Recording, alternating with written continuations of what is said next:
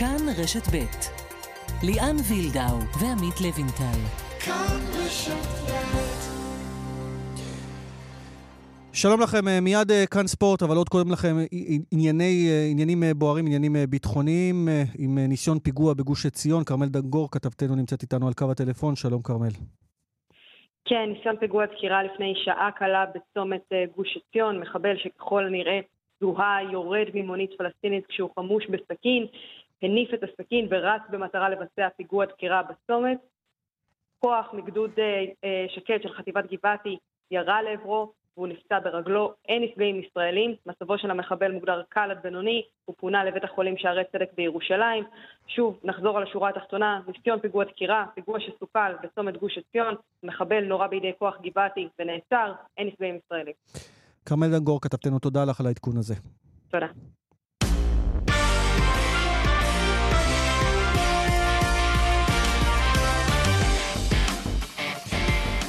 ועכשיו ענייני אה, ספורט עם אה, שבוע של אה, פרדות. דיוויד סטרן, המנהל הכל יכול של ה-NBA במשך 30 שנה, הלך לעולמו. נשמע עוד על האיש שהביא את הכדורסל הטוב בעולם כמעט לכל בית. מאור מליקסון, כוכב הפועל באר שבע, אומר שלום לקריירת המשחק, אחד הווירטואוזים הגדולים בליגה שלנו, מסיים את הפרק הספורטיבי על המגרש, קצת מוקדם משרצה, אבל בהחלט כאגדה דרומית. וגם כמובן לקראת משחק העונה, מכבי חיפה מול מכבי תל אביב, ומשחקה של מכבי תל אביב בקובנה במסגרת היורולי, גם על משבר בליגה הלאומית בכדורסל, הוספת זר שלישי, ארגון השחקנים אפילו מאיים בשביתה. שלום עמית לבנטל. שלום ליאן וילדאו. אז מה עשה לך את השבוע הזה? תשמע... אם, אה, נאמר גם, שנה אזרחית חדשה מוצלחת, נקווה ספורטיבית מוצלחת גם. כן, התחלנו את השנה, והולך להיות לנו משחק עונה אצלנו שמרתק. אה, מכבי חיפה למכבי תל אביב. לפני שנה מכבי תל אביב הובילה ב-16 נקודות בשלב הזה של העונה. עכשיו יש לנו קרב אליפות צמוד. אה, ואתה יודע, כולנו תקווה, אני לא אומר כולנו תקווה שמכבי תל אביב תפסיד, אבל אנחנו כן רוצים לראות אה, מאבק אליפות העונה הזה, שיהיה צמוד, שלא יהיה כמו העונה שעברה. אז אם זה מכבי חיפה, בית"ר ירושלים שעדיין בתמונה, אנחנו רוצים לראות אותן גם ממשיכות להיראות טוב, זה מוסיף לליגה בהחלט. טוב, הפועל באר שבע לא בתמונה של האליפות, לפחות כך נראה אה, על פניו, אבל היום, אה, השבוע, לא היום, אבל גם היום בכותרות עם ענייני אה, מאור מליקסון, ושאלנו אתכם בסקר כאן ספורט בטוויטר של כאן רשת ב', איך אתם מסכמים את הקריירה של מאור מליקסון. אז תכף נשאל גם אותך לבנטל, אבל אתם לפחות בינתיים 58% אומרים פספוס ביחס לכישרון, 34% אומרים מפוארת וממצה, אה, ואחרים מפרטים בתגובות עם, אה, אתה יודע, יש גם כאלה שפחות אה, התחברו עם תמונות של צוללנים, כי מליקסון ידע לסחוט את הפנדלים, לפחות בצלילות לפעמים לטעמם של המגיבים. א', הכל זה פונקציה של ציפייה, ליאן. ואם מצפים לך לעשות דברים אדירים, אתה יודע, אם מצפים לך לעשות דברים גדולים עם הנבחרת, אז מליקסון בזה לא עשה דברים גדולים. אבל... אתה יודע, השאלה היא כמה הכישרון גדול... הוא גם לא קיבל את ההזדמנות אה, מספיק. בוא לא נשכח, ההישגים עם הפועל באר שבע כאן, זה, זה בעצם התקופה הכי טובה בתולדותיה. והוא היה שותף לזה. ו- וזה משהו ענק, גם ההצלחות באירופה הייתה... אה, בהחלט השנים האחרונות, המאוחרות בקריירה שלו, היו טובות מאוד. אה, ואני מזכיר לך, בפולין רצו אותו בנבחרת, תאר לך אותו משחק עם לבנדובסקי. כן, בהחלט זה יכול להיות משהו בלתי נשכח. מצד שני, הוא בחר uh, בעניין הפטריוטי להיות בנבחרת ישראל וגם שיחק אחר כך, לא הרבה, אבל uh, שיחק, uh, היו רגעים מרגשים uh, במסיבת העיתונאים אתמול. הוא בקושי דיבר, נתן לאלונה ברקת להקריא את הדברים, את רוב הדברים שלו, אבל בכל זאת, שמענו ממנו כמה דברים. הנה תזכורת. אבל הייתי נורא קשה, נורא רציתי לחזור. נורא רציתי לזכות בעוד איזשהו תואר ואז לפרוש ככה בשקט, אבל uh, רצונות לחוד, מציאות לחוד. עבדתי נורא קשה, אבל נתקעתי באיזשהו שלב, לא יכלתי לעשות את הקפיצה הזאת, ל... לא יכלתי לתת את המאה אחוז שלי, וזה קו אדום מבחינתי. תמיד uh, כששחקן מודיע על פרישה ממשחק, אחת השאלות שתמיד שואלים אותו uh, היא האם הוא היה עושה משהו אחרת. כן, אולי הייתי עושה דבר אחד שונה. תגידו לי שזה קצת מוזר, תגידו שזה חלום של כל אחד, אבל uh, לא הייתי יוצא לאירופה. לא הייתי עוזב את הפועל באר שבע. אז בקול רועד ובדמעות מאור מליקסון נפרד אה, מהמשחק בעקבות אותה, אותו ניתוח בקע שהסתבך. אה, למעשה היה עלול אפילו לאבד את חייו, ובהמשך גם לאבד את הרגל. בסוף חזר לזה קמבקון קטן והבין שאי אפשר. הוא אמר, זה, ראיתי שאני לא יכול לתת 100%. כן, העיקר הבריאות, אבל היה באמת מאוד מרגש. אתה יודע, השחקנים, אתה לא רואה אותם, מעמד של פרישה הוא מעמד מאוד מיוחד. זה אתה רואה בהתרגשות המאוד מאוד מיוחדת של מליקסון, שאנחנו לא רגילים לראות אותו לאורך הקריירה, כל כך ניסר, לא מצליח uh, למצוא מילים.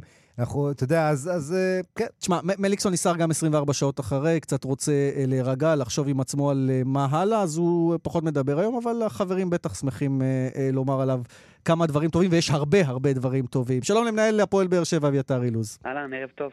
תגיד, כמי שעבר את זה בנסיבות אחרות, פרישה, וכמי שהוא חבר טוב של מאור מליקסון, ספר לנו קצת מה עובר עליו. האמת שאתה יודע, זה היה יום של רגשות מעורבים. אה, מאור באמת אה, לקח את זה, חושב, בצורה הכי קשה שיכולה להיות, מהבחינה הזאת שזה בא דווקא מפציעה ולא מפרישה, אתה יודע, מרצון. משהו שהכריע אותו. אה, למרות שלכאורה, אתה יודע, גיל 35, לא כזה נורא לסיים קריירה. אתה סיימת יותר לא מוקדם, נדמה לי. נכון, אני, זו, כי זאת הייתה החלטה שלי, אבל אם אני מסתכל על מאור, אני חושב שהוא יכל לשחק לפחות עוד אה, שלוש שנים ואפילו יותר. אבל uh, לצערי, מסיבות רפואיות זה מה שהוא נאלץ uh, לעשות. Uh, מצד שני, אתה יודע, הוא פותח עכשיו uh, דף חדש בקריירה. אה, שכרגע אני לא יודע מה בדיוק אה, הוא יעשה, אבל אני בטוח שהוא יישאר במועדון ובתחום הספורט ובכדורגל. זהו, נאמר שיש לו, יש לו, יש לו תעודת מאמן, אבל בהפועל באר שבע יש מגמה לשלב. הנה, אתה מנהל קבוצה שחקן עבר על יניב ברדה בשלל תפקידים, כולל עוזר מאמן, כולל אה, מערך הסקאוטינג. שרון אביטן מנהל מחלקת הנוער, המנהל המקצועי, כלומר, יש המון שחקני עבר, השאלה אם יש מקום, אתה יודע, כבר אין מקום. יש, יש, לדעתי יש מקום לכולם, ולמאור ימצא את התפקיד הראוי והמתאים לו, אני בטוח שאלון אלונה ואסי יעשו חשיבה לגבי כל הנושא הזה של מאור, ו... לוינטל, מה אתה אומר? מאמן מחוננים. הרי הוא כן. שחקן מחונן, אין נכון. כמוהו. אולי הוא צריך לאמן את המחוננים, את כל הילדים, ללמד אותם את הדברים, את הטריקים האלה. יכול להיות, שוב, זה גם צריך להיות החלטה משותפת עם מאור ומה הוא רוצה לעשות, ולאן פניו מועדות. זה משהו שגם אה, הוא צריך לתת את הדעת. כן, ואנחנו מאוד נשמח כמובן שמאור ייתן מה... מכל מה שיש לו בעצם לפתח שחקנים צעירים בארץ, זה יהיה נהדר. אבל אתם יודעים, אני רוצה להגיד לכם משהו. אני זו, מכיר את מאור כאחד השחקנים, בוא נגיד, מאצלנו הכי דחקיונרים, נחמדים, שטותניקים, אתה יודע, עושה צחוקים, ואתמול אתה רואה אותו, איך הוא מתפרק שם, וזה פתאום כל כך שונה מאיך שאנחנו מכירים את uh, מאור. Uh, ואתה יודע, זה החזיר אותך לעניין הזה שפרישה, בהרבה מקרים, זה, זה כמו איזה סוג של מוות עבור נכון, כדורגלנים רבים. כי... אה, לא נשווה את זה לדימוי של מוות, כן, אבל uh, בהחלט זה איזשהו קוטע איזשהו משהו שאתה מגיל, מגיל קטן uh, חי עליו, נושם אותו 24-7, מכין את עצמך לכל משחק, לכל אימון, לכל פעולה הכי קטנה שהגוף צריך אותך במגרש. אין ספק שזה... המילה פרישה היא עצמה מפחידה, ואתה יודע, בסופו של דבר מגיע הרגע שאתה...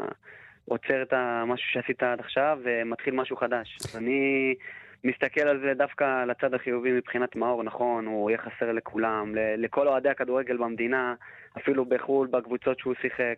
אה, הקסם שלו, המגע שלו, הטאט שלו בכדור, היכולות שלו, הענווה שיש בו.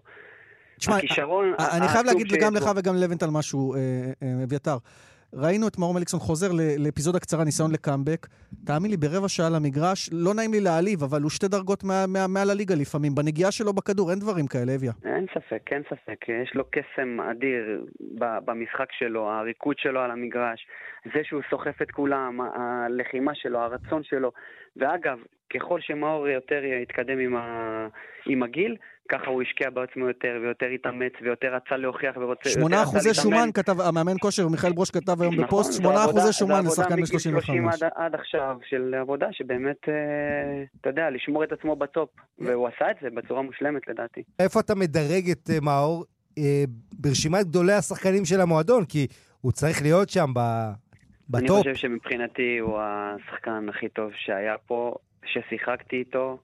אה, בהחלט. הסתבכת עם ברדה, הסתבכת עם ברדה עכשיו. ברדה, גם בטופ כמובן, לכל אחד יש את המקום שלו והכבוד שלו. סוג שחקנים אחר, אבל... בדיוק, בדיוק. כן, אבל שניהם אגדות בבאר שבע, אני יכול להגיד לך בטח באופן אישי. אתם יודעים, אם אני יכול משהו אחד מהרעיון של אה, מליקסון אתמול, שלי קצת צבט, כי אני, אתם יודעים, בא מהנישה של כדורגל עולמי בעיקר, כדורגל אירופי, ואתם זוכרים, הוא יצא ב-2011 לפולין, בינואר. לוויסלה קרקוב. ותוך חצי שנה, הוא, כמובן, מליקסון אמר אתמול בפרישה שאם יש דבר אחד שהוא מצטער בקריירה זה ליציאה מחו"ל, הוא היה נשאר בבאר שבע אם הוא יכל. אה, אם הוא יכול היה לעשות את זה שוב, את הקריירה. אני לא שופט את מאו כמובן, ואתה יודע, זה מה שהוא מרגיש, זה נכון, אבל לי זה קצת צבט, כי אני זוכר איזה אליל הוא היה בפולין. בעצם שמה התחילה הפריחה שלו, שהוא גם היה כוכב על בביסלה כן. קרקו ולקח את האליפות וכל זה, וגם בנוסף לזה, רצו אותו בנבחרת פולין, כן. וכל זה גם רק חיזק את מעמדו בכדורגל הישראלי. כשהוא היה בפולין אתה היית הקפטן, וכשהוא חזר, אה, אה, נדמה לי ויתרת אפילו על סרט, לא, זה לא היה לברדה, אבל כשהוא חזר, למעשה הגיע מנהיג נוסף, והוא היה חסר לקבוצה. נכון, נכון. אין ספק שהוא היה חסר בתקופה הזאת, וזאת הייתה ההחלטה שלו כמובן לומר את מה שהוא אמר, כי הוא הרגיש את זה. כל האהבה שהוא קיבל פה מהקהל, אז חושב שזה די היה מצדיק את מה שהוא אמר. אה, שוב, אתה יודע, דברים בדיעבד, אה, שמאור יצא, חזר וכאלה, זה, זה נושאים שאתה יודע, כל אחד יש לו את הפרשנות שלו. אה, אבל אני באמת אתמול שהיינו במסיבת עיתונאים באמת התרגשתי מכל מילה שהוא כתב, מהמבטים שלו, מהדמעות שלו. בהחלט היה פרק, אתה יודע, עצוב מאוד ש, שזה יצא בנסיבות האלה.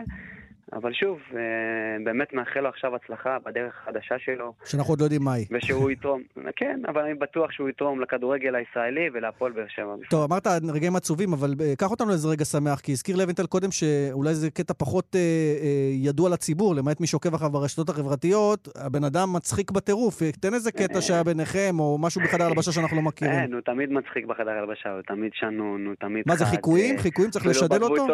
גם חיקויים, גם בקבוצות וואטסאפ של השחקנים וצוות, הוא תמיד, אתה יודע, הליצן. ויש לו את זה בגדול, תשמע, זה, זה הקסם שלו. אז בוא, בוא ככה לסיכום שיחתנו, מה הלאה מבחינת הפועל באר שבע? אתה מרגיש את חדר ההלבשה אולי הכי טוב כמנהל קבוצה, אתה רואה את זה גם מהצד הניהולי וגם מהצד המקצועי כשחקן לשעבר ומי שקרוב לשחקנים. א', ברור שהוא יהיה חסר. אבל איפה זה כן. לוקח את הפועל באר שבע מפה? זה שינוי דור, תשמע, כל החבר'ה של האליפות כבר לא נכון. נמצאים, למעט אולי בן ביטון, לא הייתה. האליפויות אה, כמעט אה, ואיננו, אבל אה, אני בטוח שעוד יהיו פה שחקנים שבאמת ייתנו את הטון נכון, מאור יהיה חסר וזה חיסרון עצום בחדר הלבשה ובמגרש בפרט. אבל uh, אני מקווה שבאמת, אתה יודע, חדר הלבשה יישמר, יש שם מספיק שחקנים ש, שישמרו על החדר הלבשה, ונבנה פה גם uh, להמשך עוד uh, שחקנים שבאמת יהיו פה עם אישיות, וגם על המגרש הם יוכלו לבטא את זה. ולסיום, אז אנחנו בעצם, מליקסון מאור פורש, ומסתכלים קדימה, הנוער של באר שבע, אתה מרוצה מה... מצב של מחלקת הנוער של המועדון, ושל ה... האם יש שם כישרונות שאתה יכול לבנות עליהם לעתיד, לטעמך? תראה, קשה כרגע להגיד את זה. יש אה, שחקנים שמתאמנים עם הבוגרים ועם פוטנציאל, כן? אה, אתה יודע, יש הרבה תהליכים בין שחקנים שעולים מהנוער לקבוצת הבוגרים שהם עוברים בדרך, וקשה לומר כרגע מה יהיה עתידם, אבל כן, בהחלט יש אה, שחקנים כמו אורדדיה, כמו תומר יוספי, שכן יכולים לפרוץ בקבוצה הבוגרת ולקבל דקות משחק ולהשתפשף. אה, וגם גם אגב אם זה לצאת להשאלה ולשחק אה, ולצבור דקות ולחזור עונה הבאה יותר, יותר אה, משופשפים, בוא נגיד ככה. כן. ולגבי מחלקת הנוער, אני מאמין שגם בעתיד התוצאות יגיעו, וגם עם כל מה שאלי יניב עושה, שרון אביטן, אבי קליף, כל החבר'ה, ש... כל המאמנים שעכשיו עם, ה... עם אתלטיקו גם, אני מאמין שזה יביא תוצאות בעתיד. אביתר, ולגבי העונה הזאת, כולם מדברים עכשיו על משחק העונה, וביתר נראית מצוין, באר שבע קצת נשכחה, אתה חושב עדיין שהקבוצה יכולה לבוא ככה מאחור ועדיין להיות פקטור? שם במאבק, אה, אולי, לא יודע מה מקום ראשון, אבל לפחות 2-3? אני חושב שהפועל באר שבע תמיד שואפת להיות אה, אה, בצמרת. ובטח ובטח שלהתמודד על תארים כמו שהיו בשנים האחרונות. נכון, בשנה האחרונה וקצת העונה, קצת אה, קרו דברים שקצת עצרו את הקבוצה, אבל אין לי ספק שאנחנו אה, לא נעשה את הסיכומים עכשיו, אלא בסוף העונה, ויש לנו עוד הרבה מה לתת. אביתר אילוז מאמן, לא מאמן, אני אומר, מאמן אולי בעתיד, בינתיים מנהל הפועל באר שבע. תודה רבה. תודה, תודה רבה לכם. ועכשיו נעשה הפסקה קצרה מענייני הספורט, אה, שוב לחדשות הפורצות. אה, בג"ץ מפרסם עכשיו את החלטתו בעתירה המבקשת אה, למנוע מנשיא המדינה להטיל את הרכבת הממשלה על בנימין נתניהו. שלום לכתבנו עמוד שפירא. כן, ליאן, שלום. כמו שהיה, צפינו בדיון שלשום, כך גם אה, בג"ץ אה, מכריע בשלב הזה, הוא לא נכנס לגוף העניין, אבל הוא מוחק את העתירה הזו מטעם שהיא עתירה מוקדמת, כלומר, בשלב הזה בג"ץ לא יוצא בהצהרה שנשיא המדינה מנוע מלהטיל את הרכבת הממשלה הבאה על מי שהוחלט בעניינו להגיש כתב אישום, כלומר על נתניהו. אומר בית המשפט לכל דבר עת אה, הוא מצטט את הפסוק, לכל דבר עת ולכל דבר חפץ, הוא אומר, בשלב הזה נמחק את, היתרה, את העתירה הזו, מכיוון שהיא עתירה אה, מוקדמת. זה למעשה הדבר המרכזי, אבל דבר אחד כן יכול להדאיג כאן את אה, אולי ראש הממשלה ואת הליכוד. אלו טענו שהסוגיה הזו היא סוגיה שלא שפיטה, שאי אפשר בכלל לבקר את החלטות אה, נשיא המדינה. כאן בג"ץ דוחה את העתירה הזו, ואולי מאפשר כאן פתח להגיש עתירה בהמשך הדרך, אחרי שנדע את תוצאות הבחירות, וכאשר הנשיא יכריע על מי להגיש, אה, אה, להטיל את מלאכת הרכבת הקואליציה, כך שיש לכך פנים לכאן ולכאן בהחלטה הזו. ההחלטה בשורה התחתונה היא שהעתירה נמחקת, אבל הסוגיה הזו, לדעת בכירי בית המשפט העליון, היא סוגיה שפיטה. עמוד שפירא כתבנו תודה על העדכון הזה. בבקשה. אנחנו עם עדכוני התנועה, דרך אשדוד תל אביב עמוסה ממחלף גן רווה עד מחלף חולון מזרח בגלל תאונת דרכים, ודרומה ממחלף השבעה עד מחלף ראשון לציון. בדרך שש צפונה עומס תנועה ממחלף נשרים עד בן שמן, וממחלף קסם עד מחלף אייל, בהמשך ממחלף עירון עד מחלף אליקים בגלל תאונת דרכים. דרומה עומס מיוקנעם עד מחלף אליקים. לדיווחים נוספים, כאן מוקד התנועה, כוכבי 9550 ובאתר שלנו. פרסומות מיד שווים. כאן ספורט, אה, שבנו אליכם. אה, לוינטל, אה, עסקנו לא מעט בסיפור מאור מליקסון והפועל באר שבע, אבל הפועל באר שבע היא מחוץ למרוץ, נגדיר זאת כך. הסיפור הגדול הוא משחק העונה. מכבי חיפה, מכבי תל אביב. איך אתה רואה את המצ'אפ הזה? קודם כן, כן, כל... שומעים כן, אותך. שומעים אותי עכשיו. קודם כל, משחק שלא היה לנו כמוהו בעונה שעברה, צריך להגיד, התגעגענו. יודע, הפעם האחרונה שהיינו כאן במעמד הזה, זה היה מכבי תל אביב, הפועל באר שבע, משחקי העונה האלה. אז יש לנו פה שתי קבוצות ב, באמת בקרב ישיר, ואני חושב שמכבי חיפה היא, היא ה, באמת הקבוצה שהכי מרעננת העונה, קבוצה שנותנת הרבה גולים, כן? אה, אה, נכון, היו להם עם בלבול גם רגעים פחות טובים, והרגע הכי פחות טוב עד עכשיו היה משחק העונה הראשון, כשמכבי תל אביב ניצחו 1-0, ו... בלבול קיבל הרבה ביקורות על ההרכב ההגנתי שם, בלי צ'רון שרי, הוא עבר לשלושה בלמים אה, וכל זה, חוליית קישור מאוד אפורה. אז בואו נראה את מכבי חיפה, אם היא מצליחה להתפוצץ. יכול, זה יכול להיות משחק גם עם משמעות סמלית להמשך העונה הזו, אם מכבי חיפה תנצח. וגם משמעות בטבלה. בהחלט. פער שלוש נקודות, מכבי תל אביב ראשונה עם 40, מכבי חיפה 37, ביתר ירושלים, גם היא במאבק עם 32 אה, נקודות. אה, והיא תשחק אה, אה, מול קריית שמונה במוצאי השבת בעשרה לשמונה. אגב, שאר משחקי השבת בני יהודה נס ציונה, כפר סבא נתניה, חדרה, הפועל חיפה. יום ראשון אשדוד רעננה. הפועל באר שבע מול הפועל תל אביב, ופה יש נקודה עם סיפור הרדיוס, זה אמור להיות בנתניה, באצטדיון בנתניה, והפועל תל אביב הולכים לערער על ההחלטה הזו, אחרי שהורידו להם משחק רדיוס אחד, הם לא מוכנים גם שהמשחק הזה יהיה במקום אחר, כלומר לא בנתניה.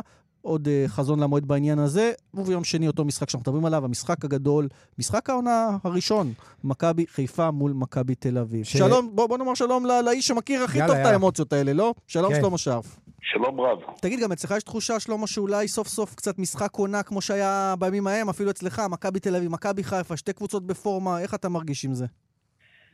תשמע, אין ספק שזה משחק אה, מאוד מאוד חשוב עבור שתיהן. אבל בעיקר למכבי חיפה, גם לאור התוצאה בסיוע הראשון, גם לאור המצב שכבר מעל שבע שנים שהקבוצה לא התמודדה לכתר אליפות, והשנה היא נמצאת בהזדמנות uh, טובה, והם מאוד מאוד מעוניינים לגמור את זה ברור באליפות. הם גם אבל, אבל מרשימים אותך, הם מרגשים אותך, שלמה, או שזה רק החולשה של קבוצות אחרות? אני לא, אני לא חושב שהם מרגשים, הם רחוקים מלרגש. הם שיחקו עשר דקות טובות uh, לפני שבוע, בקריית שמונה הם התקשו מאוד. Mm-hmm. אבל תשמע, לאור זה שגם המשחק בחיפה, ובאמת הם הצליחו להביא כמות כזאת של קהל העונה, שזה מפתיע אפילו את uh, קברניטי המועדון. וזה אומר את הכל, כי המשחק משוחק בחיפה, לעיני הקהל האוהדים הגדול שלה, ואין ספק שהם יקבלו דחיפה בלתי רגילה למשחק הזה. אבל מצד שני, אנחנו יודעים שמכבי תל אביב ספגה רק שער אחד. אה, איביץ' גמר את הסיבוב שלו עם כל הרוטציות, מהשטויות שהוא עשה. הוא ייצר חזרה את ההרכב, ואני חושב שההגנה שלה היא במצב בלתי רגיל, היא ספגה רק שער אחד אחרי 16 מחזורים, זה באמת דבר מדהים. כך שברור שמכבי חיפה לא נתקלה עם הגנה כל כך מאורגנת ומסודרת כמו מכבי תל אביב. רק שלא ייגמר 0-0. כן, מצד שני, אנחנו יודעים שמכבי חיפה, אם יש נקודה, נקודות תורפה, זה בחלק האחורי. ומכבי תל אביב אה, ידועה בהתקפה הקטלנית שלה, יש לה גם התקפה טובה. אני חושב שהיום שאצילי חזר, וגם יונתן כהן באגפים, יש הרבה מהירות בצדדים, וגם במרכז הפואדו ושכטר הם לא... הם לא פראיירים, הם לא פחות טובים מהתקפה של מכבי חיפה. שלמה, עד כמה, שלמה, עד כמה לדעתך ההיעדרות של נטע לביא אצל מכבי חיפה הוא משמעותי? אני לא חושב, זה מצחיק. עד לפני שנה הוא היה שחקן אפור, שחקן בינוני, פתאום עכשיו שהוא... עושים אותו כאילו שהוא טלנט שחסר. זה לא טל בנין, אתה אומר. אני לא, בחייך, זה רחוק מהשחקנים האלה שאתה מזכיר אותם. שחקן בינוני ולא יותר מזה, הוא שחקן לוחם, חשוב במועדון, הוא מזכיר לי הרבה שחקנים כאלה שעשו את השש, את התפקיד של הקשר הדפנסיבי בצורה טובה. אבל מפה ולבוא ולהגיד שנטע לביא לא ישחק ומכבי חיפה אוי ואבוי זה... זה בושה בכלל לחשוב על זה, אפילו אסור לדבר על דבר כזה. אבל, אבל תסכים איתי שמכבי... אם היית אומר לי בזמנו, ברקוביץ', אני אף פעם לא אמרתי שברקוביץ' חסר, או שזה עטר חסר, שהם היו כוכבים פי כמה יותר גדולים מ... מ... אי אפשר בכלל להזכיר אותם בנשימה אחת. אף פעם לא השתמשתי עם זה, ששחקן חסר, זה צריך לפגוע במועדון בסדר גודל של מכבי חיפה. בשביל מה יש קאדר גדול? נכון. מי שישחק, לא לשחק, מה, מה, חסר. בהחלט, ומי ש... אפשר לחשוב שזה מסי חסר, או, כן, או ו... רונלדו, ו... זה לא, באמת, תפסיקו עם זה, זה אתם מגזימים. ועוד מי, ש... מי שאמור עוד לשחק במקומו, אתה יודע, זה זר, פוקס, הקמרוני הצעיר. אז אני רוצה להגיד לך שהוא מאוד מאוד מצא חן בעיניי, הוא שחקן מצוין, ואני חושב שכדאי למכבי חיפה להחתים אותו ולהשאיר אותו במועדון. הוא שחקן שיודע לשחק, לא רק להפריע, הוא גם יודע לבנות, הוא יודע למסור. אני ראיתי את המסירות שלו, הוא מאוד מתוחכם והוא מוסר לעומק, הוא לא משחק לרוחב. הוא קשר שהוא משחק לעומק, וזה חשוב מאוד. ואני מאוד מאוד אה, אהבתי את שני המשחקים האחרונים שהוא שותף בהם. שלמה, אז אהבת את פוקס, מי אתה מסמן כשחקן מפתח אחד מכל קבוצה למשחק הזה מבחינתך? שחקן מפתח אחד מכל קבוצה? כן. אה, קשה לי, קשה לי, אבל אני יודע, אולי... אולי זה אומר הכל, שאין איזה טאלנט ענק שצריך לשמור עליו. בדיוק, בדיוק, אני לא חושב, אני לא חושב ש... אני חושב שמכבי חיפה אסור לעשות טעות ולשנות ולבוא לשחק פתאום שלושה בלמים כמו שהוא עשה נגד מכבי תל אביב בסיבוב הראשון, הוא חייב לבוא במטרה לנצח. אם, אם ברצונם לעשות אליפות, הם חייבים במשחק הזה לנצח. ואם ינצחו את מכבי תל אביב, זה כבר יהיה סיפור אחר. ואם לא ינצחו, אז כנראה שמכבי תל אביב גם תעשה אליפות השנה. כן, ואם הם מנצחים, הוא גם פותח אולי את הדרך לביתר ירושלים לחזור למאבק הזה, אם היא עושה את שלה. בהחלט, אני מסכים איתך. אני חושב שביתר ירושלים היום, אתה שואל אותי, אותי היא מרשימה יותר מכל קבוצה אחרת היום בכדורגל הישראלי. שלמה, אני חייב לשאול אותך על עוד אירוע משמעותי בשבוע הזה, אה, הפרישה של מליקסון. אה, איך אתה רואה את זה? הוא בין הגדולים ביותר שהיו כאן בעשור האחרון, או שזה יותר ברמה הלוקאלית באר שבעית? רק בנושא של באר שבע. רק מה שקשור לבאר שבע. הוא התפספס ברמה הלאומית? אתה חושב שהיה אפשר להשתמש בו יותר נגד בנבחרת אה, ולתת לו יותר? היה לו שנה נהדרת בפולין, בה גם הציעו לו להתאזרח ולשחק עבור הנבחרת, זו כן. הייתה השנה הטובה ביותר שלו. הבנתי, אז לא, מבחינתך הוא לא ב-level של הגדולים ביותר בכדורגל לא, הישראלי. לא, בשום פנים לא. טוב, גם, זה, גם זו דעה כמובן. שלמה, תודה. תודה, שלמה. בבקשה. טוב, שלמה לא פוליטיקלי קורקט אף פעם, אה, לוינטל. כן, לא, ו- ובוא נגיד שאתה יודע, שלמה, אנחנו מכירים את דעתו, ואגב, כל אוהד מכבי חיפה שהוא בגיל 35 פלוס אומר ש... אתה יודע, בצדק, בלתי אפשרי להשוות את מכבי חיפה הזו למכבי חיפה הגדולה ההיא. אתה יודע, זה לא אותה רמה. צריך להגיד את זה באופן חד וברור. מכבי חיפה הזו, ליאן, יש לה המון מקום לשיפור. יש לה עוד, היא יכולה להשתפר בהגנה ובהתקפה. אה, הקישור אצלה עובד הכי טוב עד עכשיו. אני רק uh, אגיד לך, יש שחקנים לא רואים. יונתן כהן נותן עונה נהדרת, מוביל נכון. את מכבי תל אביב בשערים ובישולים. שרי, uh, ש- שרי ורוקאביצה עם עשרה שערים. ואשכנזי מדהים. אשכנזי וחזיזה, כן. שעל חזיזה עוד לא מדברים אולי מספיק, גם בעונה הגדולה עד עכשיו. ואתה יודע, יש דברים מעניינים, תיקח את מכבי חיפה, אחד מסודות ההצלחה זה הבנייה בצמדים. מביאים את חזיזה ואשכנזי, שני אוסטרלים. הרבה הם חשבו על הפן החברתי בבניית הקבוצה, וטוב לראות שזה עובד להם. זה חשוב לכדורגל הישראלי, לראות את מכבי חיפה חזרה בטופ. כן, יש ביקוש רב לראות את מכבי חיפה, אולי ביקוש רב מדי, כי הספסרים אה, מתחילים ככה לחגוג כרטיס, אה, אז לא כרטיסים הרי, וכרטיס ממאות שקלים עד מעל אלף שקלים, עם כל מיני... ממש אה, פרמייר ליג. כן, עם כל מיני אה, חשבונות פיקטיביים בפייסבוק שמציעים כרטיסים ונעלמים אחר כך, ואני מבין שגם אוהדי מכבי חיפה מתגייסים ועושים שיימינג לספסרים הללו, אפילו מוסרים שמות אה, אה, לאנשי המועדון כדי לנסות לטפל בזה גם במישור הפלילי. איתנו אילן מדלסי, אוהד מכבי חיפה, שלום אילן. אהלן, שלום, אני גם נמנה מהאוהדים שאמרת 35 פלוס, אז גם אני מעל 35 פלוס. וכתבת גם איזשהו פוסט היום שאתה מבקש מאוהדים להפסיק עם הסיפור הזה של ספסרות. כמה, כמה זה בולט ונוכח בפורומים של אוהדי מכבי חיפה? תשמע, אני למשל קניתי אה, קרוב ל-12 כרטיסים אה, על מנת... אה, למנוע את התופעה הזאת, ומכרתי אותם חזרה לאוהדים במחיר עלות כמובן. מה זאת אומרת? קנית 12 אה, כרטיסים כדי שלא יקנו את זה והם יספסרו בהם? קרוב ל-12 כרטיסים, למה? כי אני אגיד לך למה. קודם כל, ישבתי שעות על, ה, על רענון הדף, וזה לקח לי הרבה שעות. Mm-hmm. אבל, אבל זה לא העניין פה. העניין פה הוא כזה דבר. ובהתחלה, בהתחלה כשהתחילו למכור את הכרטיסים, ראיתי את התופעה המכוערת הזאתי.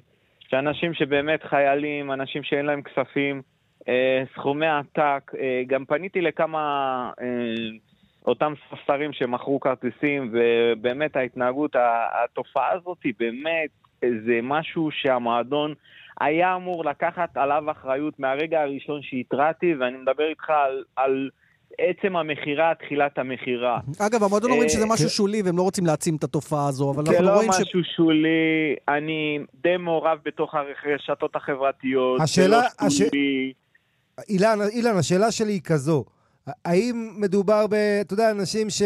אתה יודע, בלי כרטיס מחפשים להיפטר, לא יכולים ללכת למשחק, או שיש פה משהו אה, מסחרי לא, ממש, לא, ממש לא. מסחרי. מדובר באנשים שמנצלים את מצבה של מכבי חיפה הטוב, על מנת לעשות רווח אדיר על אנשים שאין להם. תשמע, אני זוכר, יעקב, יעקב שחר אמר פעם אה, שמכבי חיפה זה עסק יקר. אני רוצה להגיד לך מצד האוהדים, מכבי חיפה זה עסק מאוד מאוד יקר מצד האוהדים. אנחנו לא אנשים עשירים, אנחנו אנשים שאוהבים את הקבוצה, אבל עולה לנו המון המון כסף האהבה הזאת ביחס אלינו, כן? כמובן, לא מדבר על מיליונים, אבל ביחס למה שאנחנו משתכרים. אבל אנחנו עושים את זה באהבה. אבל okay. אוקיי. לא לכולם יש אז, כסף. אז זו הסיבה שלקחת אז יוזמה, 12 כרטיסים רכשת ומכרת באותו יוזמה, מחיר עלות? לקחתי, קודם כל כרטיס אחד תרמתי, ולא לקחתי mm-hmm. מחיר עלות, תרמתי אותו לאוהדת שלא היה לה כרטיס. ואת השאר הכרטיסים מכרתי במחיר עלות, על מנת, בגלל שהמועדון לא לקח אחריות על התופעה הזאת. זו תופעה ש... אה, אני לא יודע אם... אה, תשמע, אני שמח שמכבי חיפה... אני לא יודע, אגב, איך מועדון יכול לקחת אחריות. כלומר, ברגע שהוא יוצא עם כרטיסים, איך אפשר למנוע לא, ספסרות? יש מלא שיטות לקחת אחריות. אחת השיטות זה שאתה לא יכול לקנות כל בן אדם אה, יותר מ-X אז הנה, אילן לא היה יכול לקנות 12 ולמכור במחיר עלות. כן, אבל אתה יודע, לפחות בן אדם אחד עם זהות אחת, אתה יודע, יש דרכים לעקוף את זה. אבל לפחות שאתה לא יכול לרכוש הרבה מדי כרטיסים, כי זה כן. פתח למקל את החיים לספסל. אילן, לסיום שיחתנו, קודם שלמה שף אמר שהוא לא מתלהב ממכבי חיפה, זה לא איזה משהו מבריק. אתם האוהדים כן מתלהבים? אה, כי היו הרבה רגעי, איך נגיד, אה, שפל גם עם מרקו בלבול, והנה פתאום יש משהו אחר. תשמע, ממרום גילי, אני תודה רבה לאלוהים שידעתי ימים יפים וידעתי ימים לא יפים. לעצם העניין של מכבי חיפה, אני יכול להגיד לך מה הרצונות שלי ומה מקצועית. הרצונות שלי זה ברור שמכבי חיפה תיקח אליפות, כבר אנחנו מחכים המון שנים כן. לעניין הזה. מקצועית, הדעה שלי, זה לא מספיק. כדי לקחת אליפות, לצערי הרב. טוב, תשובות... זה עדיין לא מספיק. תשובות אה, אולי חלקיות נקבל אה, ביום אה, שני במשחק העונה, מכבי חיפה ומכבי תל אביב. אילן מדלסי, אוהד מכבי חיפה. מי שקנה 12 כרטיסים ומכר לחבר'ה במחירי עלות, אז לא עשה רווח. אז כל הכבוד... גם שתרם. ותרם. גם נתנו לך את זה, מה שמגיע מגיע. תודה, אילן. טוב, אה, הימור שלך למשחק העונה? אה, אני חושב שיהיה תיקו, אבל עם גולים, 2-2. אה, כן, חלילה לא משהו בלי 2-2. רשמתי, שבוע הבא נבדוק אותך. לפני שנמשיך לענייני הכדורסל וסיפור הגדול דיוויד סטרן כמובן, אה, שהלך לעולמו. אה, מילה שלך על עונשי הרדיוס, שבוע שעבר דיברנו עם מורן מאירי, הוא דיבר על העוול בבתי הדין, אז מכבי תל אביב נשארה עם אותו עונש, למעט העובדה שביטלו להם את הסגירה של יציאים 10-11, שזה הפריע להם מאוד אגב במשחק שאחרי, אבל הם עדיין כועסים מאוד על זה שנשאר משחק רדיוס אחד, וכמו שהערכנו, הורידו להפועל תל אביב משחק רדיוס. כן, האמת שציפינו שגם למכבי יקלו בעונש, צריך להגיד. אבל להקל זה לבטל את הרדיוס בכלל, וכנראה שלא רצו לעשות תקדים, אני מניח שזה כן. השיקול. תראה, יש פה, אני, אני אגיד לך דעתי בקצרה. מצד אחד, אתה חושב שכן צריך לבוא איזה עונש, מצד שני, דיברנו שבוע שעבר על ענישה קולקטיבית, האם ראוי או לא ראוי, אתה יודע, כל אחד יכול את הדעה שלו לתת, אבל העניין הוא ש... אתה יודע, עונשי הרדיוס האלה די מאוסים. השאלה היא איך אתה מעניש, אה, אם אתה רוצה להעניש קבוצות בצורה כלכלית, כמובן בקנסות, בדברים אחרים, אה, ושזה עדיין יהיה עונש שכן יהיה חשוב ויפגע בהן. טוב, אז זה בעניין אה, משחק ש... העונה. כן, שיהיה חשוב ויפגע בהן, כן. יפה. עכשיו אנחנו רוצים ללכת לעניין דיוויד סטרן, זה סיפור גדול ב-NBA ובכלל. אולי נשמע קודם את האיש בסיפור הכי, מבחינתנו, הכי זכור. אתה יודע, היה לנו נציג NBA עומרי כספי, אולי אפילו שחקן העשור, ומי שהכריז הוא מי שנדבר עליו תכף. הנה. With the 23rd pick in the 2009 NBA draft, the Sacramento Kings select Omri Caspi from Rehovot, Israel and Maccabi Tel Aviv.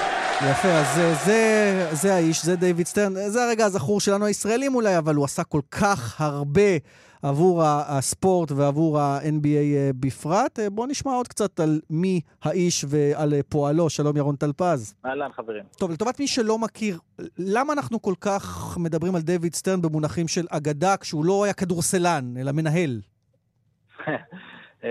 אז בעצם השאלה שלך היא הסיבה שיש בתי ספר לניהול ספורט, ולצערנו לא מספיק בספורט הישראלי הלכו אליהם. אבל uh, בספורט האמריקאי, uh, הוא, הוא, מה שהוא עשה צריך להיות בית ספר בפני עצמו. Uh, כי הוא לקח את הליגה הזו ממצב של, uh, לא הייתי אומר כלום, אבל מעט מאוד, והפך אותה למותג הספורט אולי השני בגודלו בעולם אחרי כדורגל. מה זה מעט מאוד? אני מנסה להבין, רייטינג מדשדש, כוכבים לא מוכרים, איך זה בדיוק היה? כשהוא, כשהוא נכנס לליגה, הוא נכנס כיועץ משפטי ב-78, mm-hmm. לא היה אף סופרסטאר, זה לפני שמאג'יק ולארי הגיעו. המשחקים היו משודרים ב- לא בלייב, בארצות הברית, בטלוויזיה בארצות הברית, הכל היה פוטבול, בייסבול, NBA היה נידח.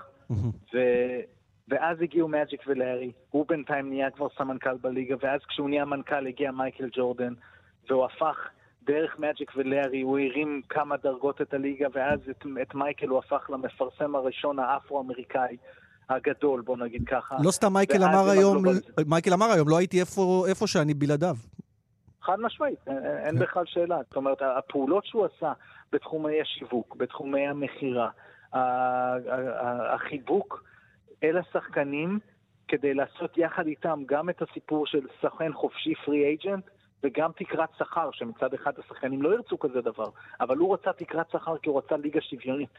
הוא רצה צ'אנס לסן אנטוניו להפוך למה שהיא הפכה.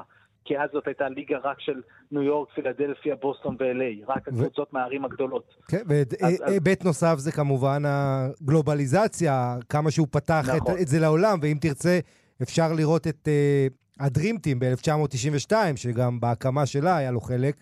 או, uh, ו- חלק גדול. חלק גדול, וגם, אתה יודע, עד לשנים האחרונות, שהיום רבע ליגה זה זרים. נכון מאוד. ואיש שאמרו עליו דיוויד סטרן, אחד הדברים המעניינים, ירון, זה שאתה רואה איך אומרים עליו דברים מנוגדים, גם כמה הוא היה מה שנקרא מניאק שצריך, כדי לעמוד על שלו, שזה מה שכל מנהל טוב צריך, גם להיות את העקשן שצריך, אבל גם ידע לחבק יותר טוב מכל אחד אחר. זהו, אמרת את זה מצוין, הוא היה מחבק את השחקנים, ואז נכנס איתם לקרבות מטורפים אל תוך הלילה במסעות ומתנים, אה, שאז הוא היה מפשיל שרוולים וחוזר להיות עורך דין, קשוח, שלא מוותר על כלום, והוא היה מאוד תובעני מול העובדים שלו, וגם מול בעלי הבית שלו, שהם היו הבוסים שלו, אבל הוא אמר להם, חבר'ה, ובגלל שהוא הצליח, ובזכות זה שהוא הצליח, הם הקשיבו לו. והוא אמר להם, אה, אני הבוס, אני מנהל אתכם, אתם משלמים לי הרבה מאוד, והשכר שלו עלה מעל עשרה מיליון דולר בסוף שלו, והיום אדם סילבר נהנה מיותר מזה כבר לשנה. והוא אמר להם, אתם משלמים לי בשביל שאני אנהל אתכם, לשמור עליכם מפני עצמכם, ליצור פה שיטה שבסופו של דבר תביא לכם את הכי הרבה, גם כסף וגם תהילה וגם מותג, כל מה שאתם רוצים. ירון, בוא נהיה קצת פרובינציאלי, נתייחס ליהדות שלו. עד כמה זה היה לא חשוב, נגיד, שיהיה שחקן ישראלי ב-NBA, כמו שאז אנחנו זוכרים, שמענו את העניין של עומרי כספי שהוא מכריז. אז אני חושב ש... לא במיוחד. זאת אומרת, הוא מאוד אהב את ישראל, ואני בטוח שהוא מאוד מאוד שמח, הוא, אין לי ספק שהוא מאוד שמח אה, כשעומרי הגיע, אבל זה לא שהוא...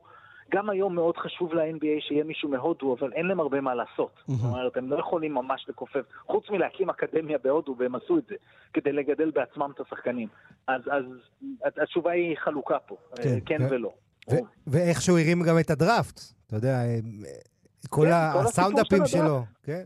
נכון, כל הסיפור של הדראפט, כל הסיפור של הלוטרי, ההגרלה, השיטות, הרחקת קו השלוש, אה, התקרת שכר, המשכורות, חלוקה עם השחקנים, הדרס אה, קוד, מה שנקרא, הקוד לבוש. לשחקנים. זה שהם צריכים לבוא עם חליפות, כלומר זה כבר לא כן, שכונה במרכאות או שלו. הוא חטף על זה ביקורות, הוא חטף על זה ביקורות. אני הייתי בתקופה שכתבתי יום-יום על ה-NBA והייתי והייתי קורא את כל המבקרים ואיך הוא עושה את זה, והשחצן הזה, היהודי הזה, אומר לשחורים אה, איך להתלבש, והם כולם מודים לו היום על הסיפור הזה.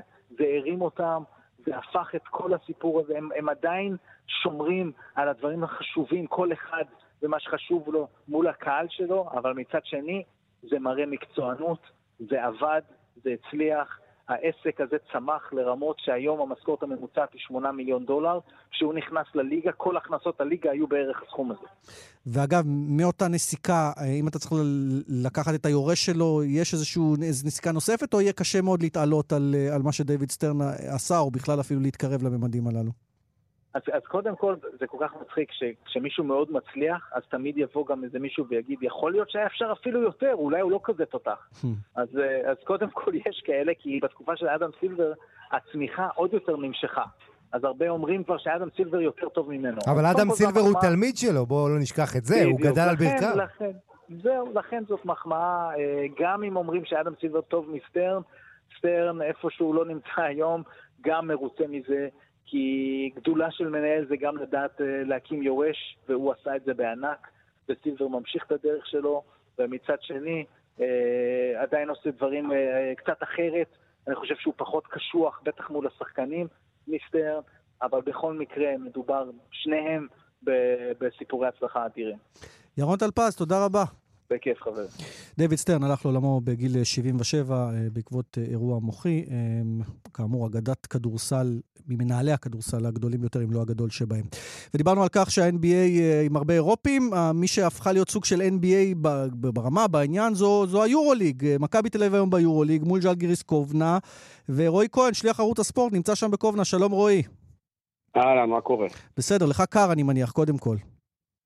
עכשיו קצת נכנסנו להתחמם, אבל כן, קר פה, אה, אבל בסדר, לא משהו שאי אפשר להתמודד איתו, לא משהו שבמכבי תל אביב לא רגילים אליו. אז ספר לנו מה מבחינת ההכנות של מכבי תל אביב, מה צפוי אה, להיות היום. אה, ז'לגיריס במאזן 4-12 שלילי, לא בעונה טובה, מכבי 11-5, אבל עם כל הנסיבות הקשות לאורך השבועות האחרונים עם הפציעות. נכון, וזה ממשיך ללוות את מכבי גם עכשיו. אני יכול להגיד לכם שגם אוטלו אנטר וגם סקוטי ווילבקין הם בספק במשחק הזה. הם יערכו מבחן אה, כשירות אה, רגע לפני הטיפ-אוף, ואז אה, יחליטו אם, אם הם חלק מהסגל או לא. למזלה של מכבי, אהרון ג'קסון וג'יילן רנולדס מן הסתם כבר עם הקבוצה, התאמנו, עשו שניים שלושה אימונים. מכירים את התרגילים כבר בכלל? זהו, זהו, האמת שלא, האמת שלא. גם אמרו לנו במכבי, יכול להיות שפתאום תהיה, אפשר לראות אי התאמה וחוסר תיאום ו... וישכחו תרגילים, כי בכל זאת, רק שלושה ימים עם הקבוצה, אז אי אפשר לצפות שהם יהיו חלק אה, אה, בלתי נפרד מה, מכל השטף של הקבוצה. אבל אם לא הם, אז מכבי הייתה צריכה להיות ברוטציה של שישה שחקנים, כמו שהייתה נגד אה, גלבוע גליל ונגד הפועל באר שבע בליגה, ובמצב כזה זו הייתה, זו הייתה יכולה להיות משימה כמעט בלתי, בלתי אפשרית לנצח פה בקובנה את ז'לגיריס. ועדיין זה משחק... אבל מכבי תקווה שגם ווילבקין וגם אנטר יוכלו לשחק, כדי שיהיה לה סיכוי לנצח את המשחק הזה. כן, עדיין משחק לא קל, גם אם ז'לגיריס יש לה מאזן 4-12, רועי, מכבי פוגשת את שרס עוד פעם, ובעצם מכבי מגיעה אחרי ההפסד, הפסד ראשון שלה ביורוליג מאז ההפסד לברצלונה, כך שיש איזה חשש במכבי מהפסד הערב שיפתח איזה מומנטום שלילי?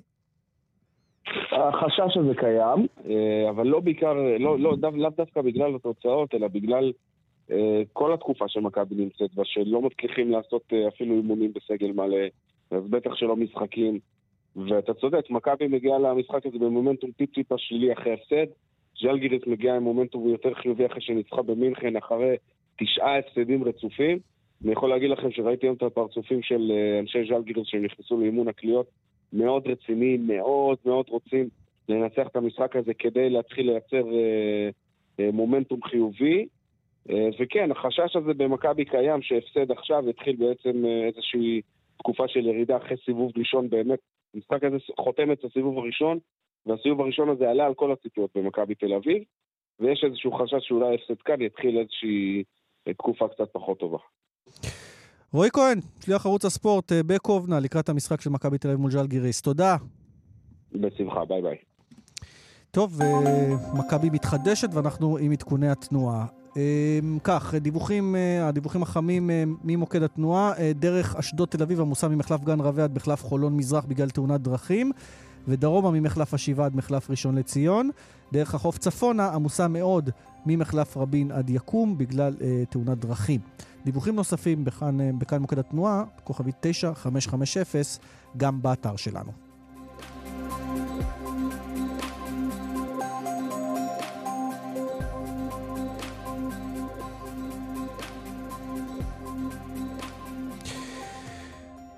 יפה. אם כך, אה, זו תמונת המצב ביורוליג. אה, אתה יודע, הרבה ביקורת אה, הייתה בעבר על ליגת העל, אין מספיק שחקנים ישראלים ואין ייצוג ישראלי כמו שצריך. נכון שלמכבי תל אביב זה כבר פחות גם רלוונטי השנה, כי יש את אבדיה וזוסמן כן. וכספי, כן. שאומנם פצוע, אבל... שזה השינוי יותר... הכי גדול, תדמיתית, במכבי תל אביב. זה גם בליגת האוהדים. כן, וטוב לראות את זה, אתה יודע, התגעגענו באמת.